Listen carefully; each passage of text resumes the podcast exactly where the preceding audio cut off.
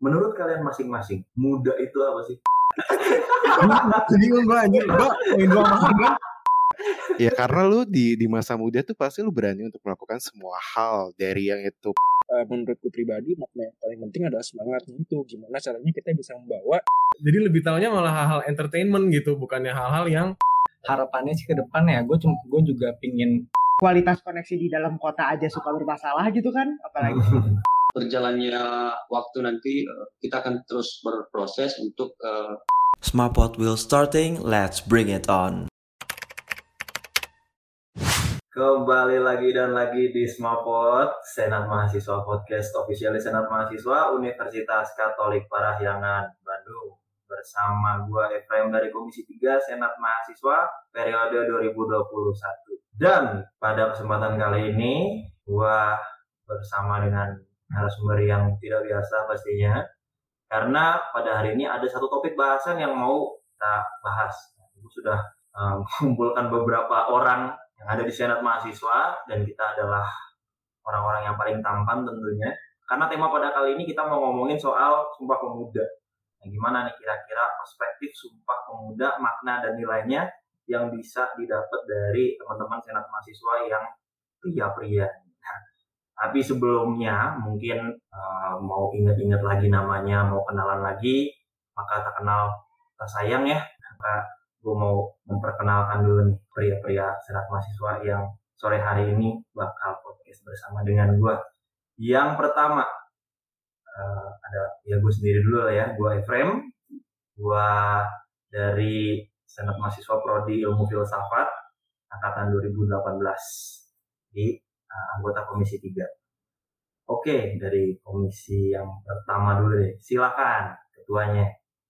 halo halo Eh, mungkin kenalin dulu eh, nama gue Wilson Nathanael senat mahasiswa dari program studi teknik informatika FTIS Eh, di sini gue sebagai ketua komisi satu sih kalau di SM Oke, Wilson, ketua komisi 1. Dilanjut ketua komisi 2 dan anggota-anggotanya. Cie. Oke, halo semuanya. Eh, nama gue Ignatius Harikdarna, biasa dipanggil Hari. Di sini gue juga sebagai perwakilan Senat Mahasiswa Program Studi Sarjana Manajemen. Dan juga di sini gue juga diberi kepercayaan untuk megang sebagai ketua Komisi 2. oke eh lanjut aja Eh, Lanjut. halo teman-teman semua perkenalkan sekali lagi di sini eh, gue Ferry Christian sebagai anggota dari Komisi 2 eh, terutama kita menjawab untuk memegang seluruh kegiatan eh, hubungan masyarakat Senat. Eh, di sini gue juga merupakan perwakilan dari SM program studi teknik kimia dan semoga podcast yang dibawakan Efrem kali ini bisa memberikan insight yang baik mantap Cakep banget. Iya, selanjutnya kali ya. Halo semuanya, halo halo halo. Perkenalin nama gue eh, Muhammad Farhan, bisa dipanggil Kiki. Gue sebagai perwakilan SM dari Prodi Arsitektur angkatan 2019 dan di dan gue di SM itu sebagai anggota Komisi 2 eh, lebih khususnya lagi gue memegang terkait eh, desain-desain untuk eh, ya media sosial yang dimiliki oleh eh, SM. Salam kenal semuanya. iya Iya. Langsung next dong ke Ojali. Langsung ketua K3 kita kali ini. Silakan. Silahkan.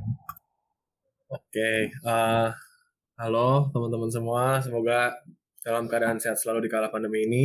Kenalin, nama gue Christopher Leonaldo, biasa dipanggil Aldo. Kebetulan di periode ini dipercayakan sebagai Ketua Komisi 3. Halo Aldo.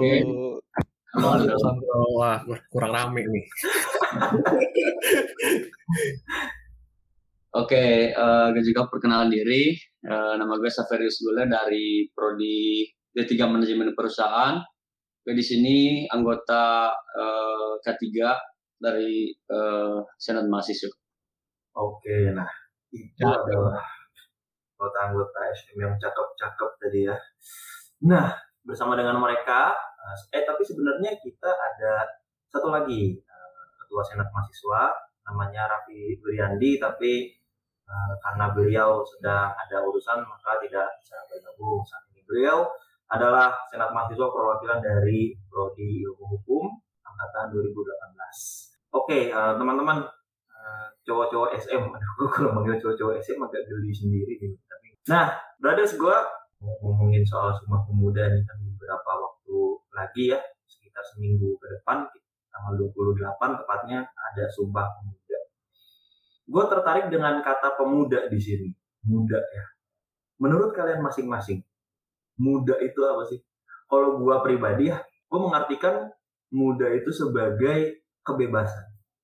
Kenapa? Karena uh, di masa muda ya tepatnya kita bisa explore sebebas-bebasnya, seluas-luasnya, even uh, itu mungkin tidak uh, pada jalur yang seharusnya mungkin ya. Tapi dari mungkin hal-hal yang salah, hal-hal yang kurang benar itu kita belajar jadi tahu sehingga kita jadi orang yang lebih baik. Maka masa-masa explore, masa-masa kebebasan itu ada dalam masa muda itu sendiri. Kalau dari gue pesannya seperti itu. Dari teman-teman gimana? Mungkin dari Wilson gimana kak? Oke Prem. Kalau buat gue, gue setuju sih. Udah diambil lagi sama Prem. Muda itu bebas. Tapi mungkin kata-kata lain yang uh, bisa dipakai. Muda itu waktunya eksplorasi gitu mungkin ya Prem.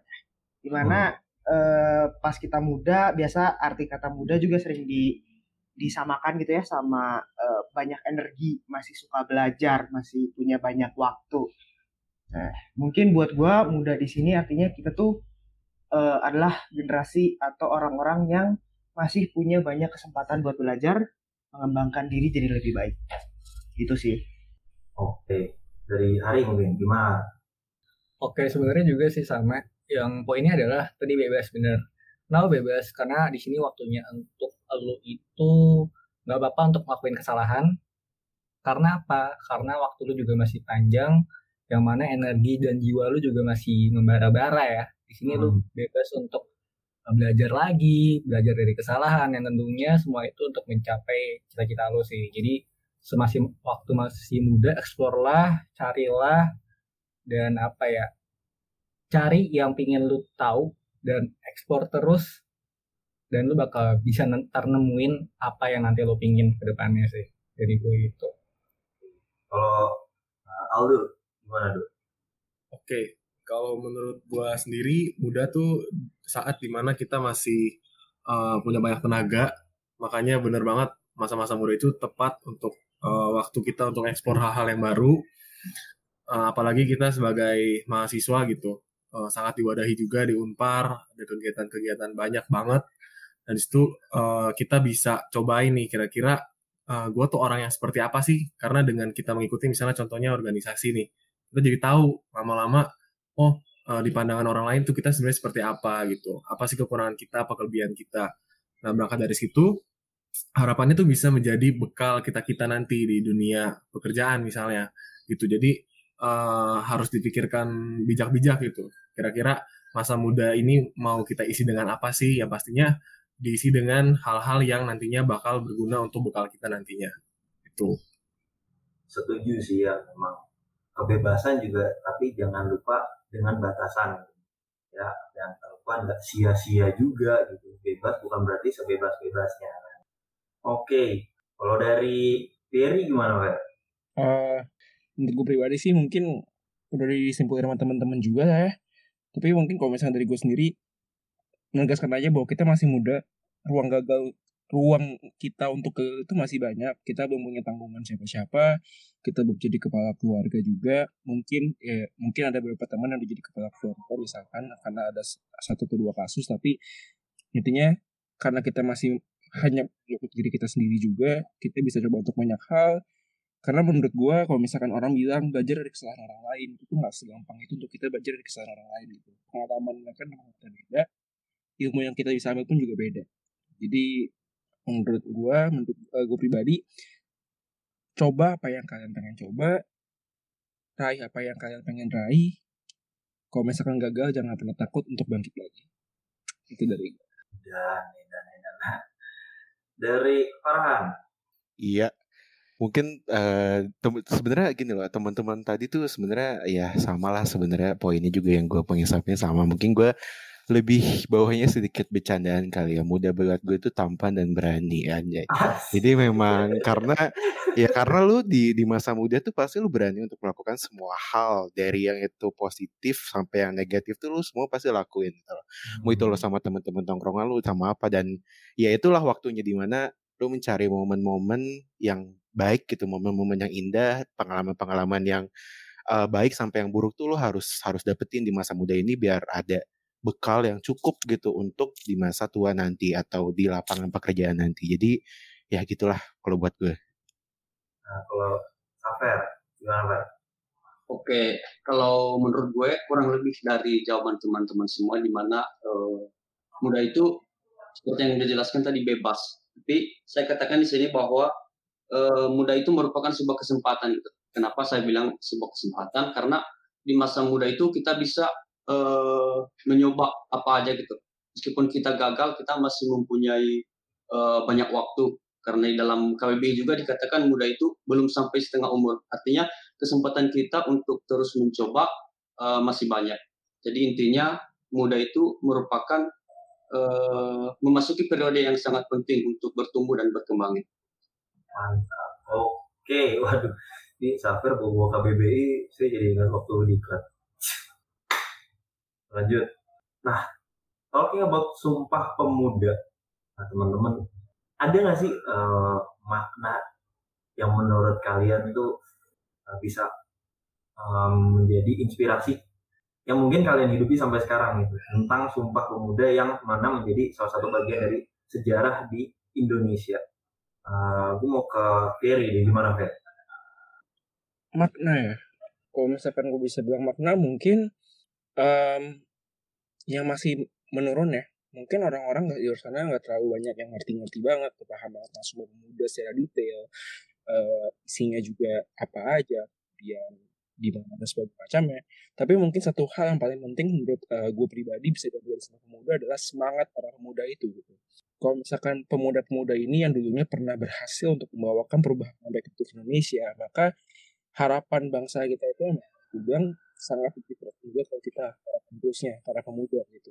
Jadi uh, menurutku pribadi makna yang paling penting adalah semangatnya itu. Gimana caranya kita bisa membawa semangat yang ada di bang yang sudah dibangun nih sama pemuda-pemuda pendahulu kita itu bisa terus turun ke kita, ke anak kita, ke cucu kita dan sebagainya. Karena dengan semangat itu juga semangat untuk membawa sebuah perubahan yang baik, itulah yang sebenarnya uh, main point yang harus tercapai. Kalau misalkan dari gue pribadi sih gitu ya menyasar ke semangat yang uh, dihidupi pada pemuda saat itu ya di mana bisa diterjemahkan atau juga sampai semangatnya pada pemuda-pemudi di zaman sekarang. Menarik. Mau sekarang mau ke Aldo. Menurut lu gimana, Dok? Oke, okay. uh, menurut gua pribadi untuk Sumpah Pemuda sendiri nih walaupun uh, kalimatnya Sumpah Pemuda gitu. Kita tahu bahwa di isi perjanjiannya tuh ada uh, kalimat kami putra dan putri. Jadi ini untuk uh, pemuda dan pemudi lah intinya. Jadi sebenarnya intinya adalah itu merupakan gerakan dari pemuda dan pemudi di Indonesia yang salah satunya maksudnya uh, menjadi sejarah juga lah untuk kemerdekaan di Indonesia dan juga um, setuju juga dengan Fieri mengenai semangat pemuda dan pemudi juga anak muda di Indonesia. Tapi harapannya semangat tersebut tuh nggak luntur gitu. Kita harus uh, pahami lagi atau kita juga harus tahu karena dulu juga para uh, pendahulu-pendahulu kita juga di masa mudanya uh, memperjuangkan gitu untuk kemerdekaan Indonesia dan sekarang pun seharusnya juga uh, kita bisa banget nih untuk memperjuangkan. Cuman sayangnya memang mungkin kalau misalnya bisa kita lihat gitu ya Prem ada uh, beberapa orang-orang yang masih menyalahgunakan gitu. Misalnya uh, kita tahu mungkin ada di beberapa unjuk rasa saat ditanya unjuk rasa itu uh, apa namanya intinya apa sih permasalahannya tapi nggak tahu itu kan hmm. memalukan juga kan di mana lu udah berani ambil langkah untuk lu bisa menyuarakan gitu dengan cara yang seperti itu seperti cara unjuk rasa seharusnya uh, lu sebagai orang yang ikut unjuk rasa harusnya tahu dulu gitu konteksnya apa. Jangan cuman menyuarakan tapi nggak tahu solusinya. Itu sih kalau menurut gua. Agak sama dengan Pierre yang merujuk ke semangat tapi juga uh, berani bertanggung jawab dengan apa yang dibuat yang dilakukan. Jangan cuma bergerak hanya karena ikut-ikutan atau karena hal-hal yang tidak penting tapi memang punya uh, alasan yang mendasar melakukan sesuatu anak muda yang keren banget sih kalau nah berbicara soal sumpah pemuda juga ya. Sebenarnya gue punya beberapa keresahan gitu kan ya. Maksudnya ketika gue baca koran atau ketika gue melihat dari internet kayak kata Aldo tadi sih jadi banyak anak-anak muda yang kayak senaknya sendiri gitu. Maksudnya di zaman sekarang lebih-lebih ya. Konteksnya mungkin langsung aja lah kita kerucutkan di mahasiswa. Ada beberapa keresahan. Yang pertama nih, hmm, nggak semua anak-anak muda sekarang tahu gitu ya perjuangan pemuda kala itu atau mungkin sadar lah perjuangan pemuda yang kala itu bagaimana mereka merumuskan sumpah pemuda, mengikrarkannya dan menghidupinya. Akan tetapi sumpah pemuda itu kayak terabaikan gitu. Salah satu contohnya deh, kita mungkin nggak semua apal isi sumpah pemuda ya nggak sih? Maksudnya apakah mungkin karena kurang dipelajari kah? Atau karena apa? Mungkin ada tanggapan dari uh, teman-teman uh, dari Wilson misalkan. Gimana Son? Lu setuju nggak dengan keresahan? Kalau untuk anak-anak sekarang gitu ya, eh, pemuda-pemuda sekarang yang nggak terlalu gimana soal sumpah pemuda, jawaban gue uh, setuju dan tidak sih, friend. Gitu. Hmm, kenapa tuh? Kalau kalau kalau untuk bagian apakah sumpah pemuda itu penting dan seharusnya tetap dijaga, itu gue setuju banget. Untuk semangatnya, untuk nilai kebersamaan, kebersatuannya itu itu penting banget. Tapi kalau dalam artian ini sepenuhnya salah pemuda sekarang yang mereka nggak peduli, uh, menurut gue juga tidak tepat gitu. Dalam artian mm, dunia memang udah berubah dan kayak nggak bisa dipungkiri kayak pelajaran sejarah gitu di SD, SMP. SMA tentang Sumpah Pemuda sering-sering dibikinnya dibikin bosen juga gitu loh karena sekarang yang gue lihat tuh banyak anak-anak pemuda-pemuda yang cuman lihat sejarah tuh sebagai mata pelajaran atau mata kuliah supaya lulus doang. Hmm. karena nggak ada gitu loh nggak ada lagi keterikatan. Apa yang bikin sejarah itu sepenting itu? Menurut gue sebelum sumpah pemudanya sendiri arti kata sejarahnya juga belum ditekankan gitu loh di pemuda sekarang. Jadi gue nggak bisa nyalahin juga bahwa pemuda sekarang udah melupakan tuh sumpah-sumpah pemuda gitu loh betul sih betul betul sih. Jadi hanya tinggal pada sebuah pembelajaran ya udah tanpa ada semangat atau follow up yang lebih lanjut terabaikan lah itu. Bukan hmm. terabaikan mungkin ya agak kurang diingat terus gitu ya. Iya. Belajar hari Senin diujianin hari Jumat Senin udah lupa lagi. setuju setuju sih setuju setuju. Hmm, oke oke. Nah keresahan gue selanjutnya tuh ada di uh, mungkin menyangkut soal isi dari Sumpah Pemuda ya tadi juga disinggung kan bahwa pemuda-pemudi kala itu tuh bersumpah untuk satu tanah air Eh, berbangsa dan satu bahasa Indonesia. Di masa sekarang ini tuh pendidikan untuk cinta tanah air, lalu rasa kebangsaan dan uh, bahasa keindonesiaannya itu agak kurang gitu. Mau ke hari, menurut gimana Har menyikapi pendidikan yang mungkin agak kurang gitu didalami? Lu ngerasa gak sih kayak bahas orang-orang sekarang tuh kayak apalagi anak-anak SMP ya lebih senang bahasa Korea daripada memperdalam atau memperbaiki bahasa Indonesia ini sendiri gitu. Itu salah satu contoh. Mungkin lo ada tanggapan gimana Har? Oke, menurut gue sebenarnya ini pengaruh globalisasi juga ya, Firman. Maksudnya kita juga hmm. nggak terpaku dalam satu lingkup aja. Maksudnya kita uh, di uh, ya nggak boleh lah belajar bahasa lain atau enggak kita cuma di, uh, di Indonesia aja belajar bahasa Indonesia. Tapi itu satu sisi yang mungkin bisa ditekanin adalah uh, kemauan untuk uh, nilai yang dibawain dari ketiga isi ya. Kan kalau Sumpah Pemuda itu ada isi pertama, kedua dan ketiga. Yang mana itu yang perlu ditekankan adalah uh, bahwa Sumpah Pemuda-pemuda ini harus bisa terus apa ya uh, belajarlah setinggi tinggi lah setinggi tingginya tapi yang perlu ditekankan adalah ya ingatlah Indonesia supaya apa uh, supaya ilmu yang lu punya juga dapat bermanfaat juga sih buat uh, negeri kita ya di Indonesia sih, Frem. Betul. Seperti founding father kita ya, uh, Bapak Presiden uh, Soekarno, lalu Presiden Muhammad Hatta dan beberapa teman-teman yang saat itu memperjuangkan Indonesia, mereka belajar jauh-jauh di negeri Belanda untuk membangun kembali Indonesia. Menurut gue itu hal yang nampaknya sekarang kurang gitu. Orang anak-anak lebih uh, pengen kuliah di luar dan ketika ditanya balik ke Indonesia ya buat ini ah kayaknya lebih enak di luar negeri deh gitu loh Har maksud gue sampai ada uh, statement seperti itu apakah karena salah pendidikannya atau apa menurut lu? Sebenarnya kita nggak bisa nyalain keduanya sih, Frame, menurut hmm. gue. Tapi yang perlu diingat adalah ya apa namanya intinya ilmu yang lo punya itu bisa bermanfaat sih buat sekitar. Tapi jangan lupa juga sama uh, apa namanya tempat tinggal lu juga yaitu Indonesia. Tapi untuk keputusan akhirnya mereka mau ke mana atau uh, ke mana pun sebenarnya ya itu adalah tantangan untuk generasi selanjutnya juga sih, Frame. Apakah ada tambahan dari yang lainnya?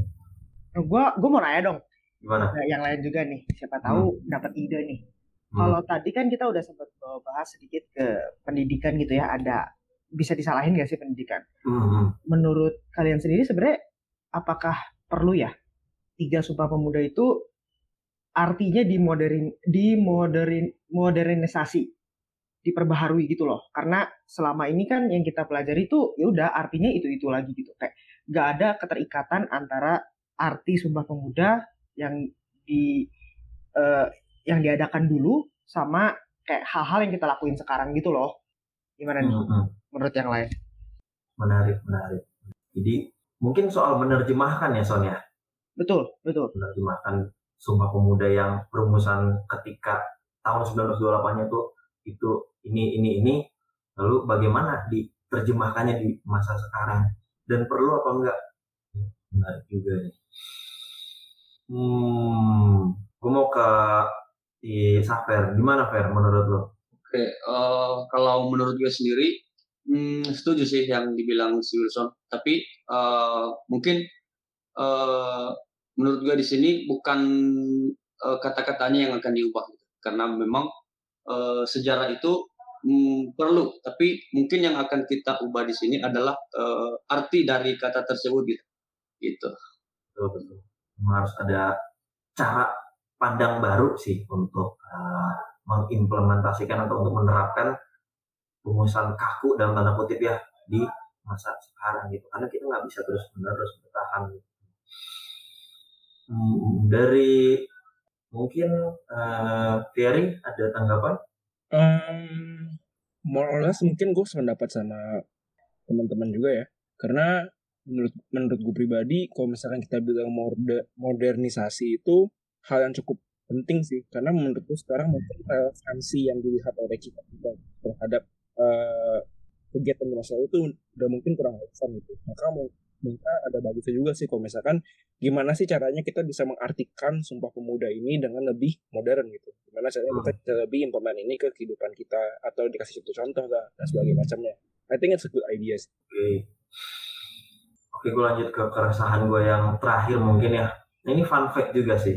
Di dalam Kongres Sumpah Pemuda itu ya, itu juga adalah momen di mana kali pertamanya diperdengarkan lagu Indonesia Raya. Kalau misalkan uh, teman-teman atau ada beberapa orang dari Indonesia itu mengumandangkan atau menyanyikannya di luar negeri, konon katanya itu uh, rasa kebangsaannya tuh lebih terasa gitu lah maksudnya lebih mendalam gitu bisa dinyanyikannya seperti contohnya kemarin para atlet yang bertanding di Thomas Cup gitu kan ya. Yang mengumandangkan Indonesia Raya. Tapi sebelum sampai ke luar-luar negeri deh di sekolah-sekolah aja gitu ya kadang lagu-lagu kebangsaan itu dinyanyikan dengan kurang pantas. Entah mungkin kurang hafal dengan gestur yang kurang baik. Padahal itu adalah eh, lagu itu tuh menunjukkan sisi kemendalaman dari bangsa Indonesia. Ada mungkin teman-teman punya tanggapan soal ini. Mau ke Aldo, gimana dok? Oke, sebenarnya kalau dipikir-pikir juga inti dari Sumpah Pemuda itu juga persatuan ya, karena kita sadar hmm. kita sebagai bangsa yang dulu dijajah dan juga kita bisa merdeka karena persatuan sendiri. Nah, menurut gua tuh kuncinya adalah persatuan gitu. Nah, sedangkan untuk menimbulkan persatuan itu ya kita harus tahu nih sama-sama sebenarnya Indonesia tuh uh, kayak gimana sih gitu. Sedangkan yang tadi Efrem bilang nih soal apa namanya lagu kebangsaan. Nah seharusnya kita kita pun tahu gitu kira-kira lagu kebangsaan nih boleh nggak sih be- uh, ada juga kan orang yang kayak misalnya lagu kebangsaan Indonesia di cover gitu kan sedangkan Hmm. ada peraturannya nih sependek yang gue tahu itu harus melalui instrumen tertentu gitu nggak bisa di cover seenaknya gitu kan Hmm. jadi baik lagi sih sebenarnya ke mungkin em, gimana ya mau nyalain pendidikan juga cukup bingung sih cuman baru-baru ini nih Prem kayak Hmm, gue hmm. lihat di media sosial gitu ada anak-anak ya paling perkiraan paling umu- eh, inilah kelas 1 SD sampai 3 SD lah Hmm. mereka ketika ditanya mengenai eh, pengetahuannya mengenai Indonesia gitu misalnya tahu nggak sama pahlawan ini atau enggak disuruh nyanyiin beberapa lagu-lagu nasional gitu dan mereka Hmm. tuh nggak tahu gitu justru tahunya tuh Hmm. hal-hal yang happening sekarang dan nggak ada manfaatnya gitu menurut gua ya Hmm. karena hal- jadi lebih tahunya malah hal-hal entertainment gitu bukannya hal-hal yang Hmm. seharusnya eh, yang menimbulkan rasa kepemilikan akan Indonesia gitu itu agak cukup bahaya sih karena kan nantinya mereka kan beranjak dewasa juga kan. Nah, apalagi dengan mereka punya eh, dengan mereka dewasa, mereka lebih punya energi lagi, apalagi nanti mereka mungkin memiliki finansial yang baik. Tapi kalau misalnya dengan pengetahuan serendah itu mengenai Indonesia ya menurut gua gimana ya? eh, agak kurang pantas gitu maksudnya karena tidak memiliki kepemilikan gitu akan negaranya sendiri gitu. Itu sih Hmm. menurut. Oke oke. Setuju sih. Gue juga pernah ngeliat itu sih dok cuplikan yang anak kecil ditanya soal pahlawan ini, soal beberapa apa melanjutkan lirik, tapi dia nggak tahu. Itu jelas banget menunjukkan bahwa pendidikan soal rasa kebangsaan tuh kurang banget ya. Apakah eh, gue juga jadi bingung, apakah pendidikan yang salahkah atau mungkin lingkungan yang mempengaruhi sehingga dia kurang pengetahuan seperti itu kah atau bagaimana gitu kan ya. Nah ini jadi refleksi kita bersama sih sebagai anak-anak muda tuh apa sih yang mau kita bawa gitu sebagai bentuk perubahan untuk bangsa yang lebih baik. Nah ngomong-ngomong soal perubahan, teman-teman sebagai pemuda pasti punya idealis lah ya, pasti kita punya satu keinginan yang mau kita lakukan sebagai sumbangsi atau kontribusi bagi entah teman-teman sekitar kita, lingkungan kita dan sebagainya. Nah, sebagai mahasiswa dan sebagai pemuda Indonesia ya secara khusus, kira-kira apa sih kontribusi yang mungkin udah pernah kalian lakukan sampai saat ini? Yang dampaknya mungkin dirasakan secara umum dalam hal apa pun itu. Di Wilson mungkin. kontribusi ya jadinya. Hmm. Hmm, kalau untuk dalam skala besar sih eh, jujur aja gitu ya, gue gue belum punya kapabilitas untuk melakukan itu. Tapi mungkin eh, kontribusi apa yang udah gue eh, berikan gitu ya selama ini dalam hal lingkungan sekitar gue sih. Dalam artian eh, sebagai pemuda, salah satu arti pemuda lain juga mungkin ya bisa dalam artian kita knowledgeable. Itu tuh Hmm. generasi yang harusnya paling tahu banyak, paling ngerti, paling mau bikin perubahan. Nah di sini selama ini mungkin yang gue lakukan adalah gue bantu teman-teman gue di sekitar gue orang-orang yang awalnya memang eh, cuek, orang-orang yang nggak ngerti tentang nasionalisme ataupun orang-orang yang eh, memang nggak ngerti tentang ketatanegaraan atau segala macam, ya gue akan bantu jelasin. Kayak banyak teman-teman gue yang awalnya super nggak ngerti apa-apa gitu loh, kayak mereka mereka bahkan nggak peduli. Dan kayak pelan-pelan ya dengan bahkan gue nggak nggak nyekolahin mereka dalam artian kayak, woi ini tuh gini-gini. Enggak, tapi lebih cara ya udah interaksi. Tiap hari gue kan kayak, woi lu lu masa yang gini aja nggak peduli or something, kayak lu lu pedulilah kalau ada kasus kayak gini. Atau misalkan ada berita apa di Indonesia atau gimana, lu baca atau gimana. Pelan-pelan mereka juga semua jadi belajar untuk peduli juga gitu loh. Nah itu mungkin kontribusi gue so far segitu sih. Gue belum punya proker atau gue belum punya bikin movement apa enggak sih. Kayak gue bener-bener uh, in my surrounding circle aja. Oh, ya mulai dari surrounding circle itu ya justru mungkin akan ada pancingan-pancingan selanjutnya untuk bisa melakukan hal-hal yang mungkin lebih besar dampaknya. Good, unik juga nih. Kalau hari gimana? Har?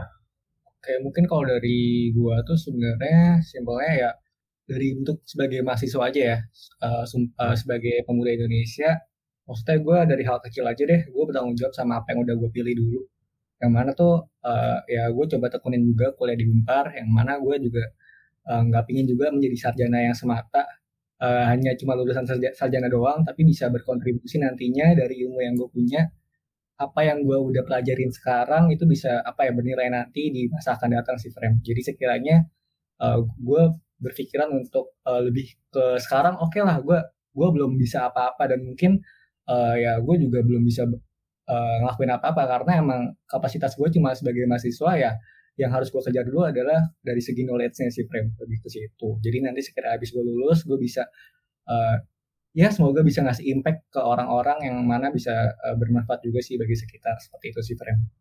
Gue setuju banget sih ya. Jadi sebagai pemuda anak-anak muda zaman sekarang kita nggak boleh jadi tong kosong nyari bunyinya gitu.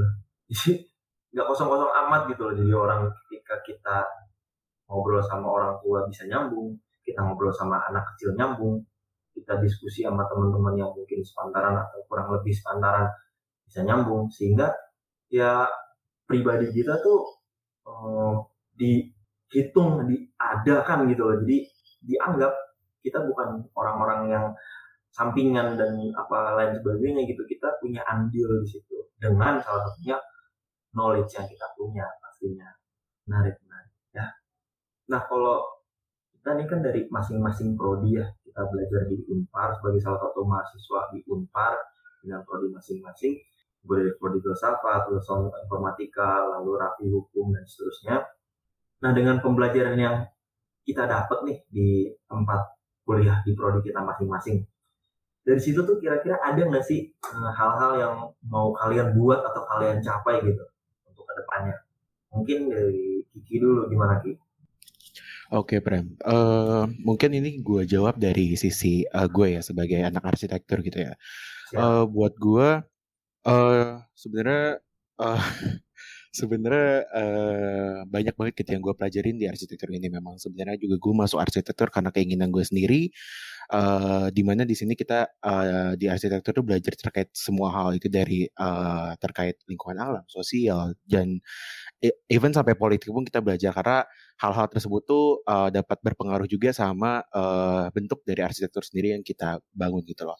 Dan mungkin uh, dengan bekal-bekal yang gue dapetin di arsitektur ini, gue tuh pengen banget gitu uh, untuk menjadi salah satu arsi arsitek gitu loh. Amin banget sumpah. Uh, gue pengen menjadi arsitek. Amin, amin, amin. Uh, ya mungkin uh, bakal uh, apa ya memakan waktu yang sangat lama gitu untuk mencapai situ, tapi oke okay gitu. Karena dalam satu tu, uh, tujuan gue tuh adalah uh, jangan sampai pembelajaran atau proses belajar gue di Unpar ini yang di mana ya kita tahu semua prodi itu susah di Unpar tuh terkenal lah kayak susah dapat nilai, susah lulus dan lain-lain. Gue pengen bisa ngebayar itu semua. Gue pengen bisa ngebayar keringat gue dan gue pengen bisa ngebayar keringat orang tua gue yang udah ngebiayain gue sekolah gitu loh. Jadi uh, dengan bekal pembelajaran yang gue dapetin, gue pengen banget jadi arsitek yang dapat apa ya istilahnya dapat berimpact sama apa ya bisa berguna untuk uh, pembangunan negara kita menjadi lebih baik gitu loh dan tapi tanpa meninggalkan uh, apa ya identitas dari Indonesia sendiri uh, itu sendiri gitu loh. Karena kalau misalnya kita lihat sekarang ya banyak banget apalagi di kota Bandung dan kota Jakarta. Hmm. Banyak banget nih sekarang bangunan-bangunan yang yang kebangun apalagi kayak coffee shop coffee shop yang di mana memang ya bisa dibilang konsep dan dasar dari latar belakangnya itu adalah industrialis dan di mana itu memang pengaruh dari Amerika gitu loh. Dan hmm. ya kadang kadang suka kadang hal-hal tersebut tuh apa ya uh, itu kan karena dengan bentuk arsitektur yang seperti itu sebenarnya itu berpengaruh juga sama sifat sosial yang ada di sekitarnya. Jadi orang merasa hal yang seperti itu, hal yang simple, hal yang minimalis dan hal yang lebih modern itu adalah hal yang lebih keren dibandingkan hal apa yang udah dimiliki orang Indonesia. Karena sebenarnya kalau misalkan kita lihat ya dari sisi arsitektur nih ya, kalau misalnya digali gitu ya, arsitektur Indonesia tuh banyak banget yang gila gitu kerennya tuh keren abis gitu dan hmm. dan sebenarnya kalau misalnya diimplementasi ke ke dalam modernisasi di dalam lingkungan kita sekarang tuh itu bisa banget gitu. Jadi gue pengen banget gitu jadi arsitek yang di mana gue bisa gitu membawa modern gue bisa tetap selaras gitu dengan apa yang trending sekarang. Tapi gue juga bisa ngeberiin uh, tren gue sendiri yaitu ya yang yang yang terintegrate sama apa yang Indonesia punya gitu. Jadi jadi kayak gitu sih gue pengen nih kayak gitu setuju banget sih kayak mungkin nyambung ke yang tadi disinggung sama Wilson ya soal bagaimana kita menerjemahkan uh, hal-hal yang udah dipelajari mungkin hal, -hal dari luar juga gimana kita tangkap kita terjemahin di sini dengan cita rasa yang kita mau untuk membangun Indonesia menjadi lebih baik itu mantap mantap mantap ah kalau dari Hari gimana? Oke, eh, tadi berarti masih pertanyaan yang sama berarti Firm ya? Masih. Oke, sama sih sama kayak si Kiki atau Farhan yang kita eh, kita sebut. Mana tuh emang sama, gue gue juga passion banget di jurusan gue manajemen yang mana emang itu pilihan pertama gue juga.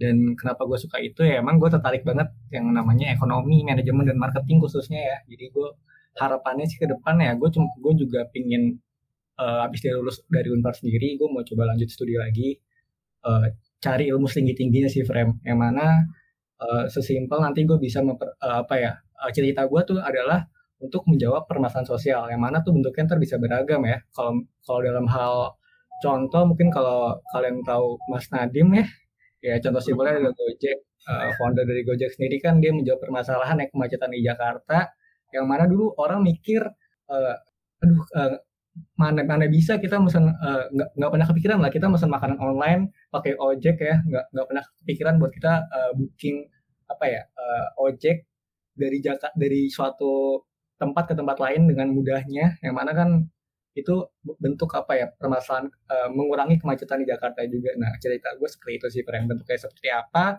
ya itu masih menjadi tanda tanya juga buat gue karena ya butuh proses juga kan frame oleh karena itu ya yang sekarang gue bisa lakuin adalah gue gue juga pingin menggali ilmu sedalam mungkin yang mana nanti uh, ilmu itu gue bisa terapin di negara kita Indonesia sih Frame. harapannya seperti itu Hmm, setuju sih dengan kata proses sehat. Kita jangan buru-buru pengen jadi satu, pengen jadi ini, jadi itu, tapi prosesnya dulu. Matangin dulu, baru kita bisa eksekusi supaya hasilnya itu jelas dan maksimal dan tentunya berdampak gitu ya orang-orang. Mantap. Kalau dari Wilson gimana Bang? Oke, eh, kalau dari gua, gua dari teknik informatika, hidup gua isinya ngoding tiap hari gitu kan. Cuman eh, kalau apa yang bakal gua, apa yang pengen gua capai nanti setelah gua lulus? Jawabannya sebenarnya cuma dua kata sih. Eh, literasi digital. Kayak gue merasa Indonesia masih punya masalah literasi digital ya. Dalam artian kayak udah mah akses internet dan komputer di Indonesia tuh masih kurang. Kita kita ngomongin eh, kayak daerah-daerah di luar itu masih banyak yang kurang gitu kan. Yes. Inter Hmm. kualitas koneksi di dalam kota aja suka bermasalah gitu kan, apalagi daerah-daerah pinggir.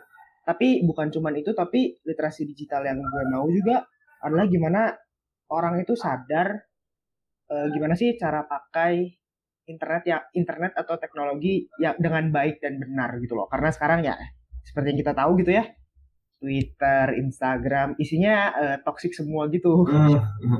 Jadi salah satu hal yang dipelajari di teknik informatika juga namanya itu eh, Komas, komputer mas- eh, komputer masyarakat di mana kita belajar gimana sih peran teknologi di eh, kehidupan sosial dan kehidupan kebudayaan masyarakat. Nah di sini mungkin gue akan nyolong sedikit dari jawabannya Kiki. Hmm. Maksudnya eh, teknologi-teknologi sekarang juga yang banyak berkembang itu feel-nya sangat western ya kayak bener-bener eh, minimalis semuanya kayak semuanya bener-bener ngikutin mencoba mengikuti cara berkembangnya eh, dunia barat gitu kan Yes. imani segala macam gitu mungkin gue juga akan mencoba untuk kalau gue mengembangkan sebuah software aplikasi atau sebuah sistem yang bisa dipakai itu gue juga akan menginstil lah kayak nilai-nilai keindonesiaan gitu loh. Kayak ah, ekonomi Indonesia itu kan bisa dibikin digital tapi tetap juga mempertahankan identitas keindonesiaannya gitu loh. Kayak eh, media sosial itu bisa dibikin dengan tetap mengedepankan identitas-identitas atau asas-asas yang dipegang oleh masyarakat Indonesia gitu loh kayak itu mungkin target gua kayak untuk apakah gua akan berhasil atau tidak itu kan urusan nanti dan yang di atas gitu kan ya. jadi ya berharap saja Mantap, siap. Nah, kalau Safer, gimana Fer? Oke, thank you dok. Eh, kalau dari gue sendiri, eh, ya dari jurusan gue sendiri kan manajemen perusahaan ya, meskipun masih posisinya masih diploma, tapi eh, kalau saya sendiri memang dari dulu itu pas SMK itu kepengennya memang eh, berbisnis sih sebenarnya, pengen jadi eh, dengan membuat sebuah inovasi gitu, kreativitas. meskipun uh, ilmu yang didapat sekarang itu masih kurang tapi mungkin sering berjalannya berjalannya waktu nanti uh, kita akan terus berproses untuk uh, mengembangkan gitu ilmunya sehingga uh, bisa mencapai gitu Prem. Oke, okay, thank you. Ke Fieri, gimana Fer? Yo. Hmm. guys, apa guys? Tanpa tujuan dia. Jawabannya sudah terlihat ya. Ini saya tidak mau buru-buru menebak, tapi biarkan beliaunya sendiri yang menjawab. Bagaimana, Ferry? Ini buat ini ini pelajaran pelajaran pelajaran gue buat ini pelajaran pelajaran yang udah gue dapat di Takim ini buat Indonesia gitu, Pran. Hmm. Kira-kira uh, dengan bekal-bekal yang ada di pembelajaran yang lu dapat di Takim gitu, selalu tuh lu mau buat apa gitu kontribusi yang mau lu lakukan tuh apa supaya mungkin orang-orang secara umum tuh bisa merasakan apa yang lu buat gitu. Oh, um, kontribusi yang mungkin oh uh, mungkin kalau misalkan dari apa yang udah gue pelajari Takim ya sebenarnya gue punya satu satu satu point of interest gue interest banget sama limbah gitu ya di Takim dan gue berharap gue bisa mendalami itu gitu setelah ini. Ya siapa tahu semoga ke depannya uh, mungkin gue bisa bekerja untuk uh, membuat sebuah pengolahan limbah yang baik lagi untuk uh, bagaimana caranya kita meminimalisir limbah uh, di Indonesia gitu ya atau di kota-kota besar dan gimana caranya kita bisa maksimalkan penggunaan recycle dari limbah-limbah tersebut? Karena kan menurut gua buat masalah environmental dan masalah ekonomi juga limbah tuh uh, ber cukup berperan besar ya. Jadi semoga bisa buat perubahan di situ. Ya idealistiknya speaking seperti itu. Oke. Nah kalau Aldo gimana dok? Oke, okay. uh, kalau gue kan dari program studi teknik sipil nih, teknik sipil kan hmm. uh, mengurusi pembangunan, gitu, infrastruktur lah intinya. Yes. Tapi um, gue jadi keinget juga nih Prem, R. Hmm. Soekarno pernah bilang, beri aku 10 pemuda niscaya akan kuguncangkan dunia. Nah hmm. kira-kira kita juga bisa berpikir, kenapa harus pemuda sih yang dikatakan oleh Insinyur Soekarno gitu? Uh, karena kalau menurut gue pribadi karena pemuda itu memiliki energi dan juga semangat yang masih tinggi dan juga mereka tuh kayak masih bisa apa namanya mencoba berbagai kesempatan gitu. Nah terus yang bisa gue lakuin sekarang itu sebenarnya gue lagi ada magang gitu prem hmm. di salah satu perusahaan moda transportasi yang mana moda transportasi ini juga kayak masih dalam tahap perkembangan di Indonesia, tetapi di negara-negara maju lain tuh udah uh, bener-bener jadi hal yang biasa gitu. Mungkin kalau Eprem tahu ada mass rapid transit gitu. Nah ini sih hmm. sebenarnya um, yang penting gitu. Kita harus bisa belajar juga dari negara-negara lain gitu. Yang mana nantinya juga kita bisa implementasikan ke negara kita gitu sih. Dan juga uh, walaupun mungkin sekarang kita masih apa ya bisa dibilang masih ada ketergantungan nih uh, dalam infrastruktur misalnya dalam uh, pengerjaan suatu proyek misalnya mungkin ada reklamasi ada juga mungkin transportasi dan lain-lain gitu masih ada campur tangan dari uh, pihak-pihak uh, luar gitu dan harapannya sih kalau dari gue pribadi ke depan untuk infrastruktur yang ada di Indonesia tuh bisa dihandle sendiri oleh anak bangsa itu Prem. Setuju sih soal implementasi ya. Gue pun juga di filsafat belajar banyak teori banyak eh, pemikiran-pemikiran para ahli ya meskipun tidak ada semacam pekerjaan khusus ya maksudnya bagi lulusan-lulusan filsafat itu spesifiknya menjadi apa tapi dengan berpikir uh, melalui teori-teori yang kita pelajari selama kuliah itu sangat membantu ketika kita mau membuat sesuatu di luar gitu. Misalnya kita mau menjadi guru ketika kita belajar berdiskusi, berpikir kritis dan sebagainya, kita bisa mengimplementasikan itu untuk mengolah pembelajaran untuk diberikan secara lebih baik kepada anak-anak yang kita ajar. Misalkan gitu atau misalkan mereka yang mau jadi pastor gitu ya, gimana caranya uh, isi-isi ajaran iman yang dipelajari di kitab suci itu bisa disampaikan pada umat-umat Katolik dengan lebih baik, dengan bahasa yang lebih bagus, agar orang-orang tuh bisa terinspirasi dan sebagainya. Soal implementasi tadi sih. Mantap pemuda-pemuda senat ini sangat-sangat luar biasa ternyata ya. Nah terakhir deh, teman-teman nih, ada nggak sih pesan-pesan yang mau kalian kasih untuk orang-orang muda yang mungkin dengerin podcast kita saat ini? Monggo mungkin dari Wilson, gimana Son? Buat orang-orang muda, ya buat buat kita kita juga nggak sih jadinya. Iya betul juga sih. Gue eh, buat teman-teman semua, eh, mumpung masih, eh, mumpung bahasa Sundanya keluar. Selagi kita masih muda, eh, banyak-banyaklah mencoba, coba ini, coba itu. Salah nggak apa-apa, gagal nggak masalah. Namanya juga masih muda, masih belajar. Daripada nanti ke depan nyesel, nggak pernah nggak pernah nyoba ini, nggak pernah nyoba itu. Tapi satu hal yang harus ditekanin sebagai pemuda, ideologi kita biasa macam-macam ya. Hmm. Ada yang idealis, ada yang gini, ada yang gitu. Please note that kayak eh, ideologi-ideologi yang kalian pegang itu tidak selalu ideologi yang paling tepat ataupun yang paling benar. Muda bukan berarti kalian boleh agresif. Dalam artian kayak oh memperjuangkan ideologi kalian sampai mati, pokoknya apa pun yang dikatain itu nggak nggak gitu. Sebagai pemuda, coba juga dengerin kayak eh, orang tua, orang-orang yang udah lebih tua, mereka yang udah punya lebih lebih banyak pengalaman. Cause that's gonna help a lot gitu loh. Hmm. Gue mempelajari ini di komunitas gue sendiri gitu, di komunitas debat. Kayak lu bisa punya ideologi yang kuat dan lu pemuda, lu lu bisa teriak-teriak, lu bisa ngedebatin orang berjam-jam, tapi pada akhirnya ideologi lu belum tentu yang paling benar dan lu harus ngedengerin orang lain. Menurut gue itu sih pesan yang menurut gue cukup penting buat diambil sama orang-orang di luar. teman-teman terima kasih atas uh, waktunya yang sudah disempatkan untuk ngobrol-ngobrol soal Sumpah Pemuda gua tertarik banget banyak inspirasi juga yang gua dapat soal kita sebagai pemuda yang mesti banyak uh, menimba ilmu pengetahuan kemudian bertanggung jawab tidak yang nggak cuma sekadar uh, ngomong doang tapi juga dengan aksi dan sebagainya. Dan juga sudut pandang sudut pandang teman-teman dari masing-masing prodi itu keren-keren banget idealis teman-teman. Harapannya semoga kita bisa menjadi pemuda Unpar yang lebih bagus dan selepas dari Unpar kita pun bisa membawa perubahan yang lebih baik yang setidaknya bisa dirasakan oleh masyarakat secara umum. Baik, sekali lagi teman-teman, gua atas nama pribadi, atas nama Komisi 3 juga mau mengucapkan terima kasih banyak atas waktu yang disempatkan. Semoga depannya kita bisa ngobrol lebih banyak lagi dan bisa memberi sedikit inspirasi untuk orang lain. Thank you ya teman-teman. Thank you Oke, juga. Prime, thank you juga semuanya. Thank you. Semuanya.